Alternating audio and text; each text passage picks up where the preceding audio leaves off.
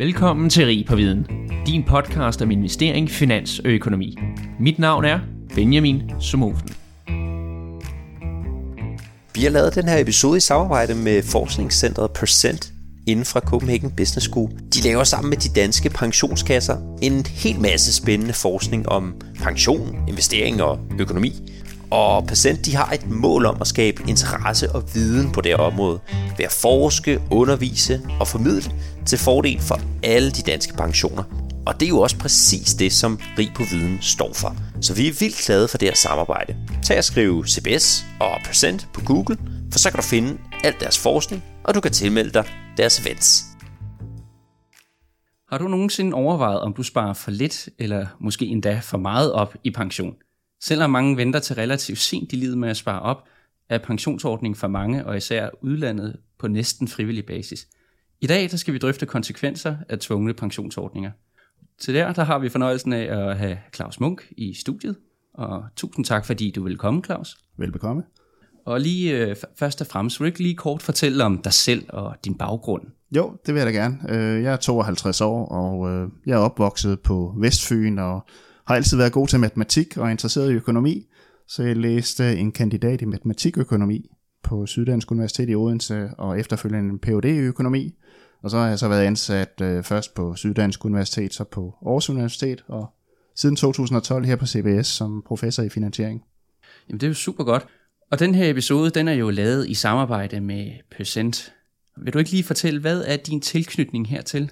Jo, altså Percent det er jo sådan et forskningscenter, kan man sige, som øh, her på CBS øh, i samarbejde, udviklet i samarbejde med pensionssektoren, og øh, jeg er interesseret i pensionsspørgsmål og har forskellige forskningsprojekter relateret til pension, så jeg, jeg deltager derfor i, i Percent og øh, aktiviteterne, og Percent kan støtte mine forskningsaktiviteter også, så øh, det er jeg veldig glad for. Og hvad er det netop ved pension, som du synes, der gør det interessant at forske i? Jamen for det første er det jo et vigtigt spørgsmål jo, både for det enkelte individ, om de får sparet nok op til pension, så de kan sådan leve en god alderdom, og det er jo vigtigt for samfundsøkonomien også. Og så sådan forskningsmæssigt er det også øh, interessante, udfordrende spørgsmål. Det er ikke sådan nemme spørgsmål at, at svare på, hvor meget folk skal spare op til pension for eksempel, og hvordan man skal indrette et pensionssystem. Så det er udfordrende spørgsmål. Så man opdeler jo gerne pension i, der er det øh, opsparingsvinklen, og så er der jo øh, det forsikringsmæssige også. Ja. Og kan jeg antage, at det er den første, at du beskæftiger dig med? Ja, det er det. Det er den opsparingsmæssige del. Og det er rigtigt, der er også en forsikringsvinkel på, på det danske pensionssystem. De fleste pensionsordninger har også øh, forskellige forsikringer mod øh, invaliditet osv. I dag der skal vi jo øh, selvfølgelig tale om pension. Vi har jo en øh, ekspert med her i dag, og vi skal blandt andet tale om, hvordan at påtvungen pension det gavner samfundet.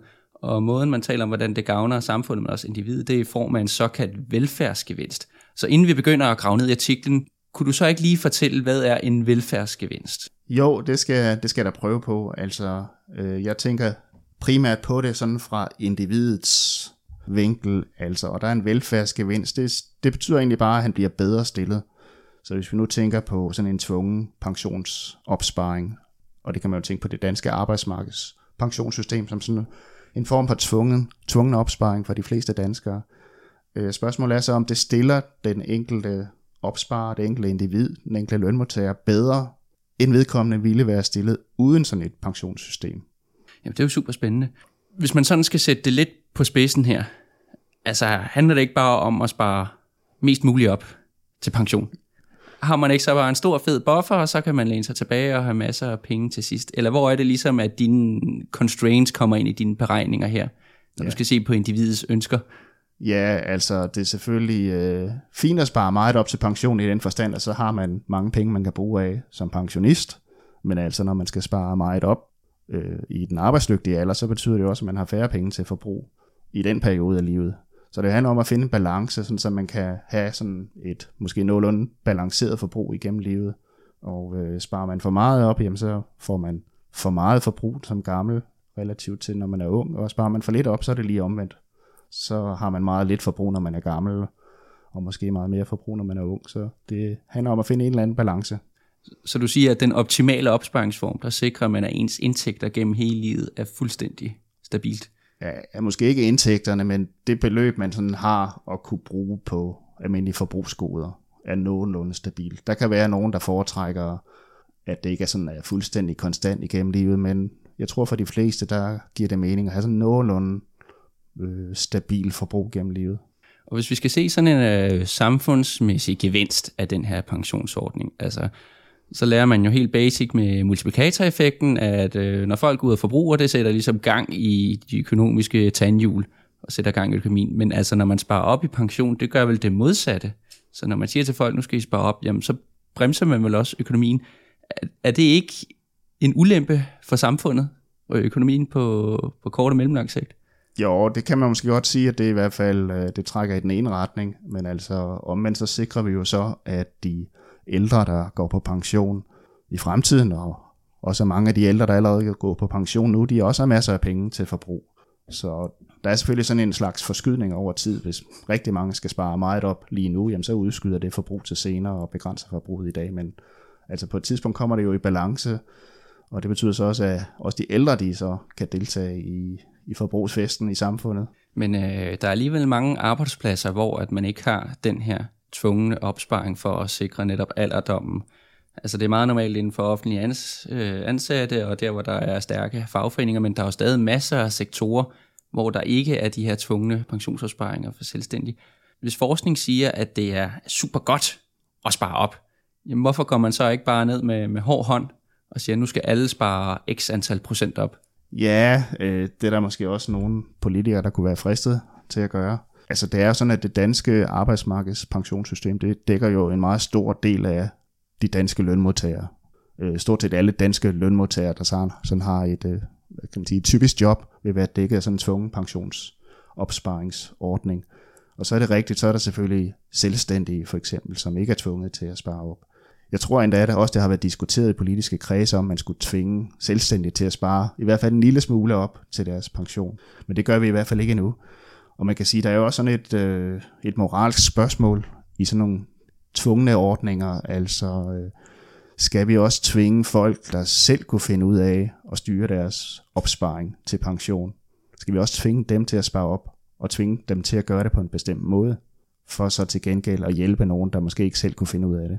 Men man kan så sige, at den, den anden side af det moralske spørgsmål, det er jo også, om vi som samfund skal tillade, at der er nogen, som aldrig får sparet op til pension, og dermed ender med en meget øh, usel alderdom med meget få penge til, til forbrug. Så det skal man også overveje. Så der er lidt, ja, der er både fordele og ulemper ved det selvfølgelig, ja, det som, som så meget andet her i livet. Ja, det er der næsten altid. Ja, og øh, som altid så sidder vi her på grund af en artikel, som en forsker har skrevet, og i dag er heller ikke nogen undtagelse. Og du har skrevet en sammen med Linda Sandri Larsen, der også underviser her på CBS. Og artiklen den hedder The Design and Welfare Implications of Mandatory Pension Plans. Der går vi ind øh, meget matematisk og beregner konkrete velfærdsgevinster ved pensionsopsparinger. Ja. Og Claus, vil du ikke lige kort opsummere artiklen for lytterne her? Jo, altså man kan sige, formålet med projektet, det er at finde ud af, hvordan påvirker sådan en tvungen pensionsopsparingsordning de enkelte individer, opsparende. Og hvis man vil indføre sådan en tvungen opsparingsordning, hvordan skal det så designes, og, og det skal selvfølgelig være til formål at hjælpe, kan man sige, løs sagt, hjælpe så mange som muligt, mest muligt, og øh, skade så få som muligt, mindst muligt. Så kan, hvordan skal man designe sådan et system, så det ligesom er bedst for alle i en eller anden forstand. Så det er sådan set det, der er formålet, og øh, altså hvordan sådan en tvungen pensionsopsparing påvirker den enkelte det enkelte individ. Det afhænger selvfølgelig af, hvordan opsparingen er, sådan, er, er udformet, altså hvor meget skal man spare op, hvor stor en andel af indkomsten skal man spare op for eksempel, og hvordan bliver opsparingen investeret, og hvordan bliver opsparingen udbetalt, når man går på pension. Men det afhænger også af en masse sådan individuelle karakteristika, altså hvor stor en arbejdsindkomst har man, hvor stor en formue har man selv sparet op, og hvor villig er man til at tage en risiko? Osv. Så der er sådan en del faktorer, der spiller ind på, hvor, hvor store de der velfærdsgevinster eller eventuelle velfærdstab er for de enkelte individer. Og vi prøver så at finde sådan en balanceret øh, ordning, der gavner mange og skader forhåbentligvis øh, ganske få og ganske lidt. Ja, og, og det her det er jo et studie i USA. Men altså, det lyder jo virkelig omfangsrigt, hvis man skal ud og tjekke pensionsordningen. Altså, får vi stillet en stor database til rådighed for hver enkelt pensionsopsparing og kan modellere det, eller hvordan får I lavet sådan noget her? Altså, det er en teoretisk model, og øh, den prøver sådan set at, øh, at rådgive på en måde øh, den amerikanske offentlighed om, hvordan man kan indføre sådan et system, så, så det virker fornuftigt. Øh, I Danmark har vi jo allerede sådan et, et pensionssystem, der er tvunget for en stor del af befolkningen, og der kan man sige, at relevansen af vores projekt er jo så mere præcis, hvordan skal det designes, hvor stor en andel af indkomsten skal man spare op og så videre. Men det er sådan set et mere teoretisk projekt, hvor vi selvfølgelig øh, i vores artikel, prøver vi sådan at tilpasse, det, tilpasse den model, vi bygger op til amerikanske forhold, altså øh, for eksempel sådan noget som folkepension. Der bruger vi sådan niveauet for den amerikanske folkepension, og vi har også brug for at modellere folks levetid. Der bruger vi så erfaringer fra USA. De lever kortere, end vi gør for eksempel. Og øh, så vi bruger sådan amerikanske skattesatser og så videre, så det ligesom er ligesom at tilpasse det amerikanske forhold, som vi med god samvittighed kan sige, det her sådan den bedste, eller i hvert fald en rigtig god model for, hvordan sådan et pensionssystem vil påvirke amerikanere. Men som sagt kan vi også øh, overføre mange af, af resultaterne og pointerne til, til Danmark og andre lande. Og nu er du jo lokaliseret her i Danmark, og ligesom mange af lytterne også, der hører den danske podcast her. Så der er måske flere, der sidder og tænker, jamen hvorfor er USA interessant at analysere frem for Danmark? Ja, det er som ikke fordi, at jeg synes, at USA er mere interessant at modellere frem for Danmark. Der er jo sådan lidt, øh, kan man sige, sådan en, øh, en arbejdsskade blandt forskere, at øh, vi vil gerne publicere vores forskning i internationale tidsskrifter, så det skal gerne være interessant for hele, hele verdens forskere inden for finansiering, og, og det er bare sådan, at at de bedste tidsskrifter de, og de bedste forskere, de, de findes i USA, så det er en fordel tit at i hvert fald fokusere på amerikanske forhold. Og man kan sige, det, det er også et relevant samfundsspørgsmål i USA lige nu, om man skal indføre sådan et en form for tvungens pensionssystem, eller det vi har i, i Danmark og mange europæiske lande. Ja. Men du siger ikke, det ikke betyder, at vi sagtens kan lære af det her i Danmark også? Og... Ja, det kan vi sagtens gøre. Der er også øh, noget, vi kan lære for, for det danske pensionssystem, vil jeg sige.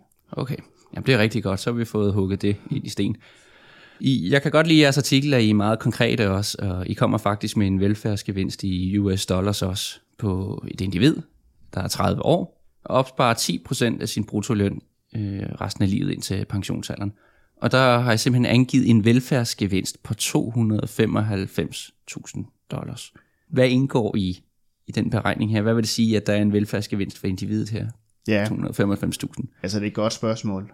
De der, det der tal, 295.000 dollars, det er sådan et gennemsnit over et antal forskellige typer af amerikanere, som vi prøver at modellere. Der er nogen, der er mere risikovillige end andre. Det prøver vi at modellere. Der er nogen, der opfører sig sådan mere rationelt, som selv kan finde ud af at spare op, for eksempel, end andre gør.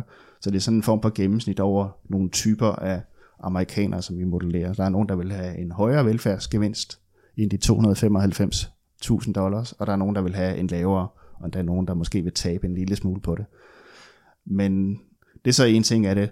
En anden ting er, hvordan man beregner øh, det beløb, og, og det vi gør, det er at regne på nytter. Økonomerne, de øh, repræsenterer velfærd ved, ved nytter, altså et individs velbefindende bliver repræsenteret med en nytte. Og det vi så gør, det er at prøve at beregne, hvor stor en nytte får et individ af at være tvunget ind i sådan en pensionsopsparing, og sammenligner det med nytten af, hvis han ikke er tvunget ind i sådan en pensionsopsparing, men bare selv skal finde ud af at spare op og investere sin opsparing. Der vil nytten for mange altså simpelthen være højere, hvis man bliver tvunget ind i sådan et pensionssystem. Og spørgsmålet er så, hvordan måler man, hvor, hvor meget højere nytten bliver? Og det kan man så på en, en snedig måde øh, omregne til sådan et pengebeløb, som det ligesom svarer til sådan en nutidsværdigevinst. Altså, når man bliver tvunget ind i sådan en pensions ordning, så får man jo egentlig først gevinsten sent i livet, fordi det er der, man får den højere pension udbetalt, end hvis man ikke var tvunget ind i sådan et system. Så på en anden måde skal vi diskontere, diskontere de beløb tilbage til i dag, og, og det gør vi så på en snedig måde, og det kommer vi så frem til et eller andet dollarbeløb, som ligesom svarer til sådan en nutidsværdi gevinst.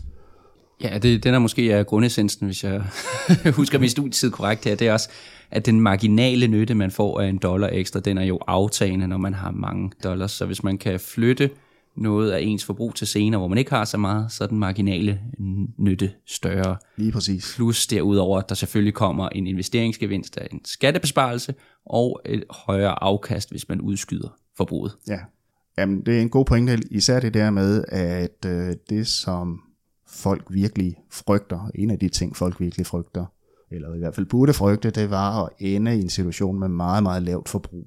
For eksempel når man er gammel, hvis man ikke selv har, har sparet op. Og, og der er det lige præcis sådan en tvungen pensionssystem øh, i en eller anden form kan sikre, at man aldrig ender med sådan et meget lavt forbrug som pensionist. Og, og det er virkelig noget, der, der gavner individets nytte.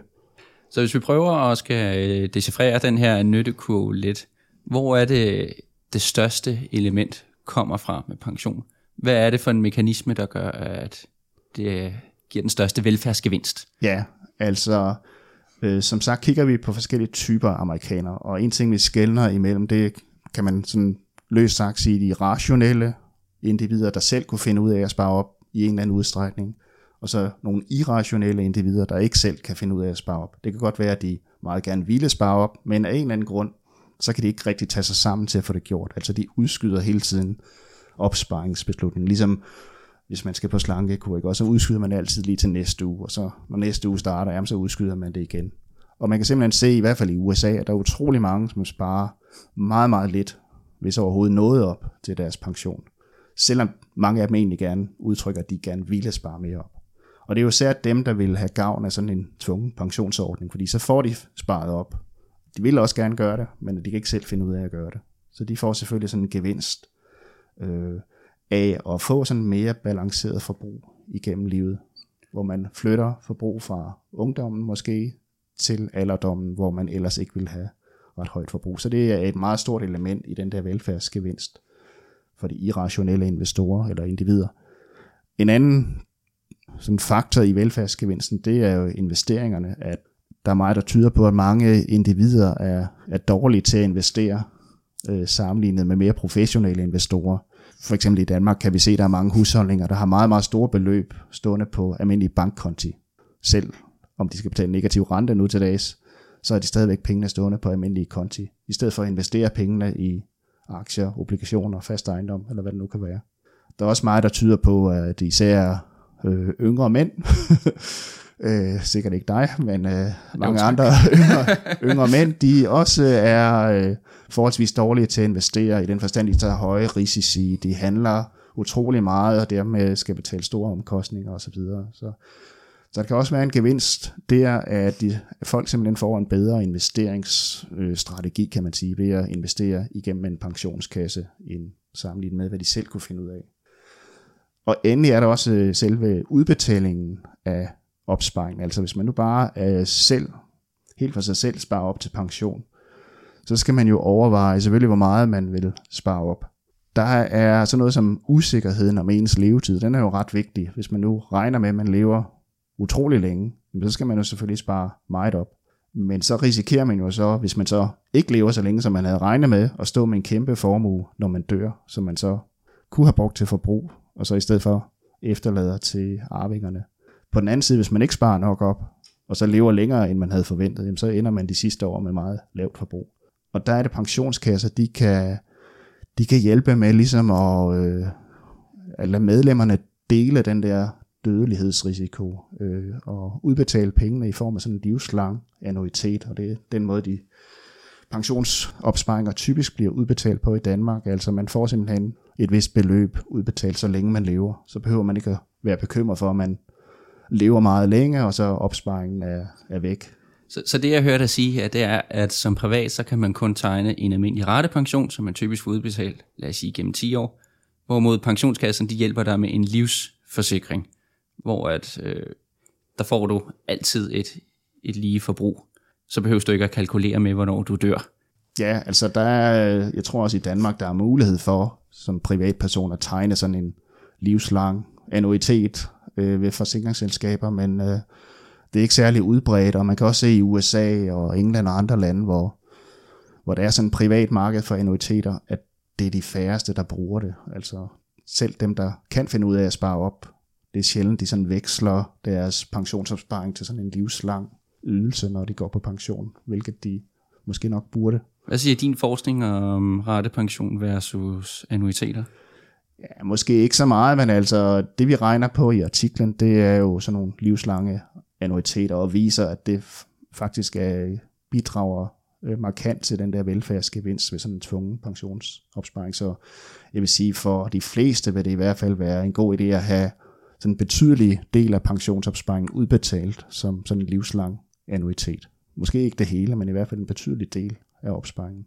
Ja, jeg tror også bare, at det, det kan i hvert fald måske selv følge, at det kan gøre ondt for nogen, hvis man tænker, at man når at være et år på pension, og så er det hele tegnet en forsikring. Ja. Der kan man så lave alle mulige teknikaliteter til, at man kan sikre arv videre, men som udgangspunkt, så, så går det jo, jo tabt for de fleste.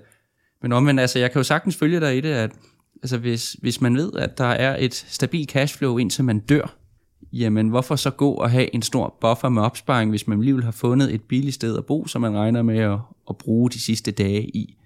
Og så kan man selvfølgelig, som man lærer i personal finance, altså man skal helst dø med 0 kroner på bankkontoen. ja. Det er jo den optimale forbruger. Ja, der kan selvfølgelig være nogen, der også får lidt nytte af at efterlade penge til arvinger. Sikkert ikke i kæmpe størrelse beløb. Nej, det er vel heller ikke noget, I regner på, tænker jeg. Jo, det er faktisk med i vores model, altså at man også kan have en nytte af at efterlade noget arv til sine arvinger, men øh, altså der viser forskning, at de allerfleste, de, det kan godt være, at de får lidt nytte af at efterlade lidt penge til deres arvinger, men de vil i hvert fald helst ikke efterlade en øh, meget stor bunke penge, som de kunne have brugt på forbrug selv. Nå, det, er jo, det er jo interessant det her. Og så øh, nu er vi sådan lidt inde på opsparingsformer, og udover at man kan få dem øh, udbetalt gennem øh, ratepension og livspension, jamen så kan man jo også vælge forskellige investeringsformer, og der graver I ned i fem forskellige, og der er lidt forskellige risikoallokering i den. Altså den mest konservative, der investerer du med 50% aktier gennem hele livet, som er noget af det mest risikofyldte, og så er det mest offensive, der vil I bare investere med 100% aktier ja. gennem livet. Og så har I indimellem sådan en aftrapnings, hvor I siger, hvor mange procent aktier skal du have? Det skal du beregne med 120 minus din alder. Så hvis du er 50, så er det 120 minus 50, så skal du have 70 procent aktier. Ja. Der er jo mange år til, man skal pensioneres, men alligevel så stiller man de flere spørgsmål og aftrapninger til lige. Så, så hvorfor giver det ikke mening bare altid at holde 100% aktier, maks risiko? Det vil det muligvis gøre for nogen. Altså som vi snakkede lidt om, så kan folk have forskellige risikovillighed. Og er man meget risikovillig, så kan det godt være, at det vil være optimalt at have hele opsparingen i aktier hele livet stort set. Men for de fleste andre giver det god mening at have sådan en aftrapningsordning hen over livet, hvor man har mange aktier, når man er ung, og så måske omkring pensionsalderen eller lidt før begynder at aftrappe, sådan så man langsomt erstatter aktier med sikre aktiver, altså obligationer. Og sådan den økonomiske motivation for at gøre det, det er, at man skal se den finansielle formue i, samme, øh, i sammenhæng med ens humane kapital. Altså den humane kapital for et individ. Det kan man tænke på sådan som nutidsværdien af den fremtidige lønindkomst, man kan opnå. Og det er klart, at når man er ung, så har man mange år tilbage på arbejdsmarkedet, så vil den humane kapital alene lige være højere, end når man er gammel, hvor man måske har få år tilbage på arbejdsmarkedet, eller allerede er gået på pension. Og det viser sig, at den der humane kapital, den er forholdsvis sikker i den forstand, at den øh, altså lønindkomster viser sig at være nogenlunde sådan ukorreleret med, med aktieafkast. Så når man er ung og har sådan en rimelig stor, rimelig sikker humankapital, så kan man godt tillade sig at tage lidt mere risiko på, på investeringssiden, altså have mange aktier. Men når man så bliver ældre, så bliver den humane kapital gradvist mindre, og den finansielle formue bliver typisk højere, fordi man har sparet op. Og så er det, at øh, for at have den, den bedste samlede balance, den samlede risiko, jamen så kan man så ikke tillade sig at tage så meget risiko på den finansielle formue. Og derfor skal man have færre aktier. Jeg vil jo egentlig umiddelbart tro, at det mest afhænger af, det er, når du skal begynde at udbetale pensionen også. Altså fordi hvis du er 100% aktier og går på pension og begynder at få udbetaling, så lige pludselig så begynder du at sælge på bunden, hvis man lige stod i 08 dengang. Men du siger altså, at det er lige så meget med ens risiko temperament også. Ja, det, det spiller bestemt også en rolle. Altså, øh, og man skal selvfølgelig være opmærksom på, at der kan være de der uheldige episoder, hvor aktiemarkedet falder meget hurtigt, men altså så er der jo også lange perioder, hvor aktiemarkedet stiger, som vi har set senest også. Så øh, ud fra de her fem modeller, viser, kan man lave sådan en ranking af dem og sige, de her, de er, det er det bedste, og det her er det værste. Har I nogle favoritter? Ja, jeg tror, den vi finder er den bedste, det er sådan en aftrapningsmodel, hvor man starter på ja, næsten 100% aktie. Jeg tror, det er 90% vi har, har antaget, og så når man bliver 50-55, så skal man måske begynde at aftrappe aktieandelen sådan langsomt og inde på ja, 40-50 procent, og det, det kan så igen afhænge af, hvor risikovillig man er. Men man skal jo tænke på sådan en pensionskasse, altså i, i mange danske pensionskasser, der kan medlemmerne jo ikke selv vælge deres investeringsstrategi. Den bliver bare fastsat af bestyrelsen, og, og mange steder er det sådan ens for alle, så uanset om du er et ungt medlem eller et gammelt medlem af pensionskassen, så har du samme aktieandel og samme obligationsandel. Og det tyder al forskning, også vores her, på, at det i hvert fald ikke er optimalt. Altså det skal det giver god mening, det afhænger af, af medlemmernes alder. Man skal have masser af risiko, når man er ung, ja. siger du. Ja. Men der er jo, der er jo mange pensionsselskaber også, hvor man, altså udover at der er en aftryksprofil, så kan man faktisk gå ind og vælge også, om man er forsigtig investor, en middelinvestor eller en uh, offensiv investor. Ja. Synes du, det giver mening også, eller bør pensionskasserne tage sådan nogle beslutninger for folk? Altså, jeg synes, det giver god mening, og det er også noget af det, vi finder i vores forskningsprojekt her, at altså dem, som kan være meget modvillige mod at indgå i sådan en tvungen pensionsopsparingsordning, som måske vil få et velfærdstab, jamen det er netop dem, der er meget risikovillige. Derfor giver det god mening, for ligesom at gøre dem lidt bedre stillet, det giver god mening, at man tillader dem at vælge en meget risikabel investeringsstrategi i pensionskassen, altså med mange aktier. For andre individer, der er det måske bedre med sådan en mere moderat, moderat aggressiv investeringsstrategi. Så måden man kan gøre det på, det er jo ligesom at vælge sådan en investeringsstrategi, der, der ligesom er, er default valget, det vil sige, hvis folk ikke vælger noget andet, så får de den her strategi, og det kunne så være sådan en, en øh, aftrapningsstrategi, eller den vi finder, men så tillade folk aktivt at vælge noget andet og det kan netop være med til at gøre det knap så irriterende for nogle rationelle individer at være med i sådan en pensionskasse. Så kan de alligevel sådan designe deres opsparing, øh, så det passer bedre med det, de ønsker. Men hvad så, hvis man er en ganske almindelig dansker, som heller ikke lytter til vores podcast måske, og ikke interesserer sig for forsikring, pension og investering, altså som måske tænker, uha, det her risiko, det er, det er nok ikke mig. Jeg tager bare den mest øh, defensive fond, der er, og vedkommende er måske i slut 20'erne, og lige pludselig så sidder vedkommende med, lad os sige, 10-20% obligationer. Ja. Det er vel også et kæmpe velfærdstab, når man har ja, 40-50 år til pension. Jo, altså man kan sige, der er jo også en rådgivningsopgave her for pensionskasserne. Hvis de tillader folk at vælge en bestemt investeringsstrategi, så også en, der er alt for passiv måske, jamen så er der jo en, et rådgivningsarbejde, man skal rådgive folk om, øh, hvilke konsekvenser det har, at så kan de se frem til lavere forventede pensionsudbetalinger. Måske også lige fortælle dem lidt om, hvad risiko egentlig betyder. Det kan jo være, fordi nogle individer, de ikke rigtig har sat sig ind i, hvad aktiemarkedet er, og bare kun hører, når det går virkelig dårligt på aktiemarkedet, og ikke forstår, at ja, de skal investere over 30-40 år, og der går det sandsynligvis ganske udmærket i det lange løb for aktiemarkedet, så måske er det ikke så usikkert, som de lige tror så ved jeg jo her i din artikel, at øh, nu har jeg jo rost jer for, at I er meget konkrete, og derfor så beder jeg dig også om at komme med fem konkrete anbefalinger, som man ligesom kan tage med ud fra din forskning her.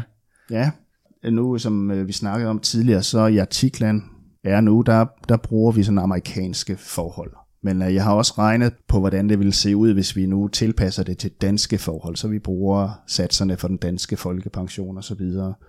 Og baseret på, på de udregninger, så vil jeg sige, øh, anbefalingerne, hvis jeg skal komme med nogen, så, så vil det være for det første at fortsætte det gode arbejde, vil jeg sige til de danske pensionskasser, altså det danske pensionssystem med øh, de her tvungne arbejdsmarkedspensioner ser ganske fornuftigt ud, når man sammenligner med vores forskningsresultater og også andre forskningsresultater. Altså det er rimelige øh, bidragsprocenter, altså bidragsprocenten, det er jo den andel af indkomsten, man skal spare op i pension. Det ligger sådan i Danmark på 12-17 for de fleste øh, arbejdsmarkedspensioner. Der skal man huske på, at en del af det går også til forsikringer, som vi snakkede om tidligere, så det 12% bidrag, det svarer måske til, at 10% af, af indkomsten bliver sparet op, og det, det er måske ganske rimeligt. Så det ser ganske fornuftigt ud på det danske pensionsmarked. Rimelige opsparingsordninger, rimelige investeringsstrategier med, med fokus på lave omkostninger, og øh, også rimelige udbetalingsordninger, for eksempel med de der livslange annuiteter. Og så er der selvfølgelig en masse detaljer, man kan diskutere om bidragsprocenten skal justeres lidt op eller ned, om man skal tage flere aktier eller ej osv.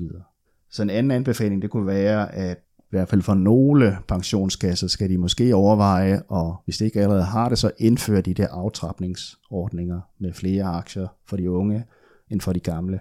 For eksempel i den pensionskasse, jeg er tvunget ind i, det er jo den, der nu hedder P+, som øh, øh, kommer fra, jeg var oprindeligt med i JØP, juristerne og økonomernes pensionskasse, der kan vi ikke selv, endnu i hvert fald, vælge en investeringsstrategi. Strategien er den samme for alle medlemmer, cirka 50% i usikre aktiver, altså aktier, og 50% i mere sikre aktiver. Vi kan tænke på det som obligationer. Og sådan er det for alle. Jeg kan ikke vælge noget andet, øh, selvom jeg meget gerne ville have haft mange flere aktier, da jeg var yngre, og, og stadigvæk ville det, så kan jeg ikke få det. Så det er i hvert fald nogen, øh, jeg ved også, at, at min pensionskasse overvejer at introducere muligheder for selv at vælge noget, så det er i hvert fald et, et skridt i den rigtige retning. Andre anbefalinger, man skulle måske overveje, om man vil tvinge de helt unge lønmodtagere til at spare op til pension. Typisk er det jo sådan, at hvis man får et givet job, også som 25-årig, der er dækket af en overenskomst med sådan en tilknyttet arbejdsmarkedspensionsordning, så skal også den 25-årige spare op til pension. Lad os sige 15% af lønnen. Og det er måske ikke så smart at tvinge de helt unge til at spare op, og i hvert fald ikke så meget op, fordi de unge, altså mange unge, de kan jo se frem til betydelige stigninger i indkomsten senere hen. Så man tvinger dem til at spare op i en periode i livet, hvor de måske ikke tjener så meget. Og for det andet, så yngre mennesker, de vil måske hellere spare op til øh, udbetaling til en lejlighed eller et hus. Øh, og hvis man tvinger dem til at spare op til pension, jamen, så kan man ikke bruge de samme penge til at spare op til, øh, til udbetaling til en bolig. Så måske man skal overveje, om det er fornuftigt at tvinge også de aller yngste lønmodtagere ind i de her pensionskasser. Hvorfor ikke lade dem vente til de fylder 30 eller 35 eller sådan noget. Og så vil jeg sige en tredje ting, jeg ved ikke om det er den tredje, eller vi er nået til den fjerde allerede, men man skal også lige tænke på den der bidragsprocent. Der er måske en grænse for, hvor høj den skal være. Det er som om, at øh, lønmodtagere siden i, i de her forhandlinger om øh, løn og pensionsforhold, de presser hele tiden på for højere bidrag, altså mere pensionsopsparing. Men altså, der er en grænse for, hvor meget af indkomsten, det er smart at spare op. Altså, vi finder sådan 10-12 procent måske, det er det sådan rimelige niveau. Men der er jo allerede nogle pensionskasser, der er oppe på 17 procent, eller endda 18 procent, man skal spare op. Måske det ved at være i overkanten. Og jeg er godt klar over, at man skal selvfølgelig også skal tænke på, at i fremtiden, der lever vi længere, og derfor skal vi spare mere op, og vi kan måske se frem til en periode med lave afkast på investeringerne, og derfor skal man også spare mere op. Men alligevel tyder mine beregninger i hvert fald på, at det er måske ved at være lige over kanten. Så det skal man tænke på. Man skal ikke bare presse på for mere og mere øh, pension. Så bare lige for at få det på det rene, når du siger 10-12 procent, er det så efter forsikringspræmien er betalt, som var omkring de 2 procent? Ja, det er det. Okay, så 10-12 plus omkostninger til forsikringer? Ja, og jeg skal for eksempel spare 17,1 procent, tror jeg det er, op af min indkomst, og der går måske 2% point af det til forskellige forsikringsordninger. Det er faktisk svært at se nogle steder præcis, hvor meget der går til det, så der kunne man håbe på lidt mere transparens også. Men måske er der så 15 procent af min indkomst, jeg sparer op til pension, og ja, det, det er måske lige overkanten. Også fordi øh, akademikere som mig i hvert fald tror, vi selv kan finde ud af at spare op, så vi, der er måske ingen grund til at tvinge os til at spare så meget op.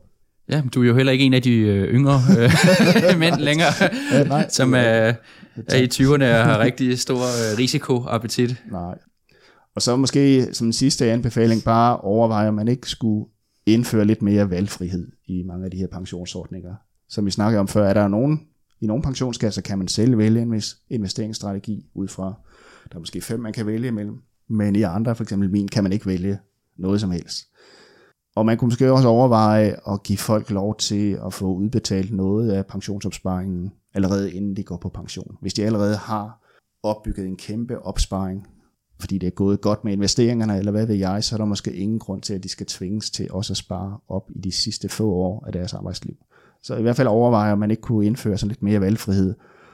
Og det skal selvfølgelig være på sådan en måde, så øh, det ikke sådan lokker folk, der ikke kan finde ud af selv at spare op, til at lade være med at spare op. Så man skal lige tænke over, hvordan man designer sådan nogle valgmuligheder.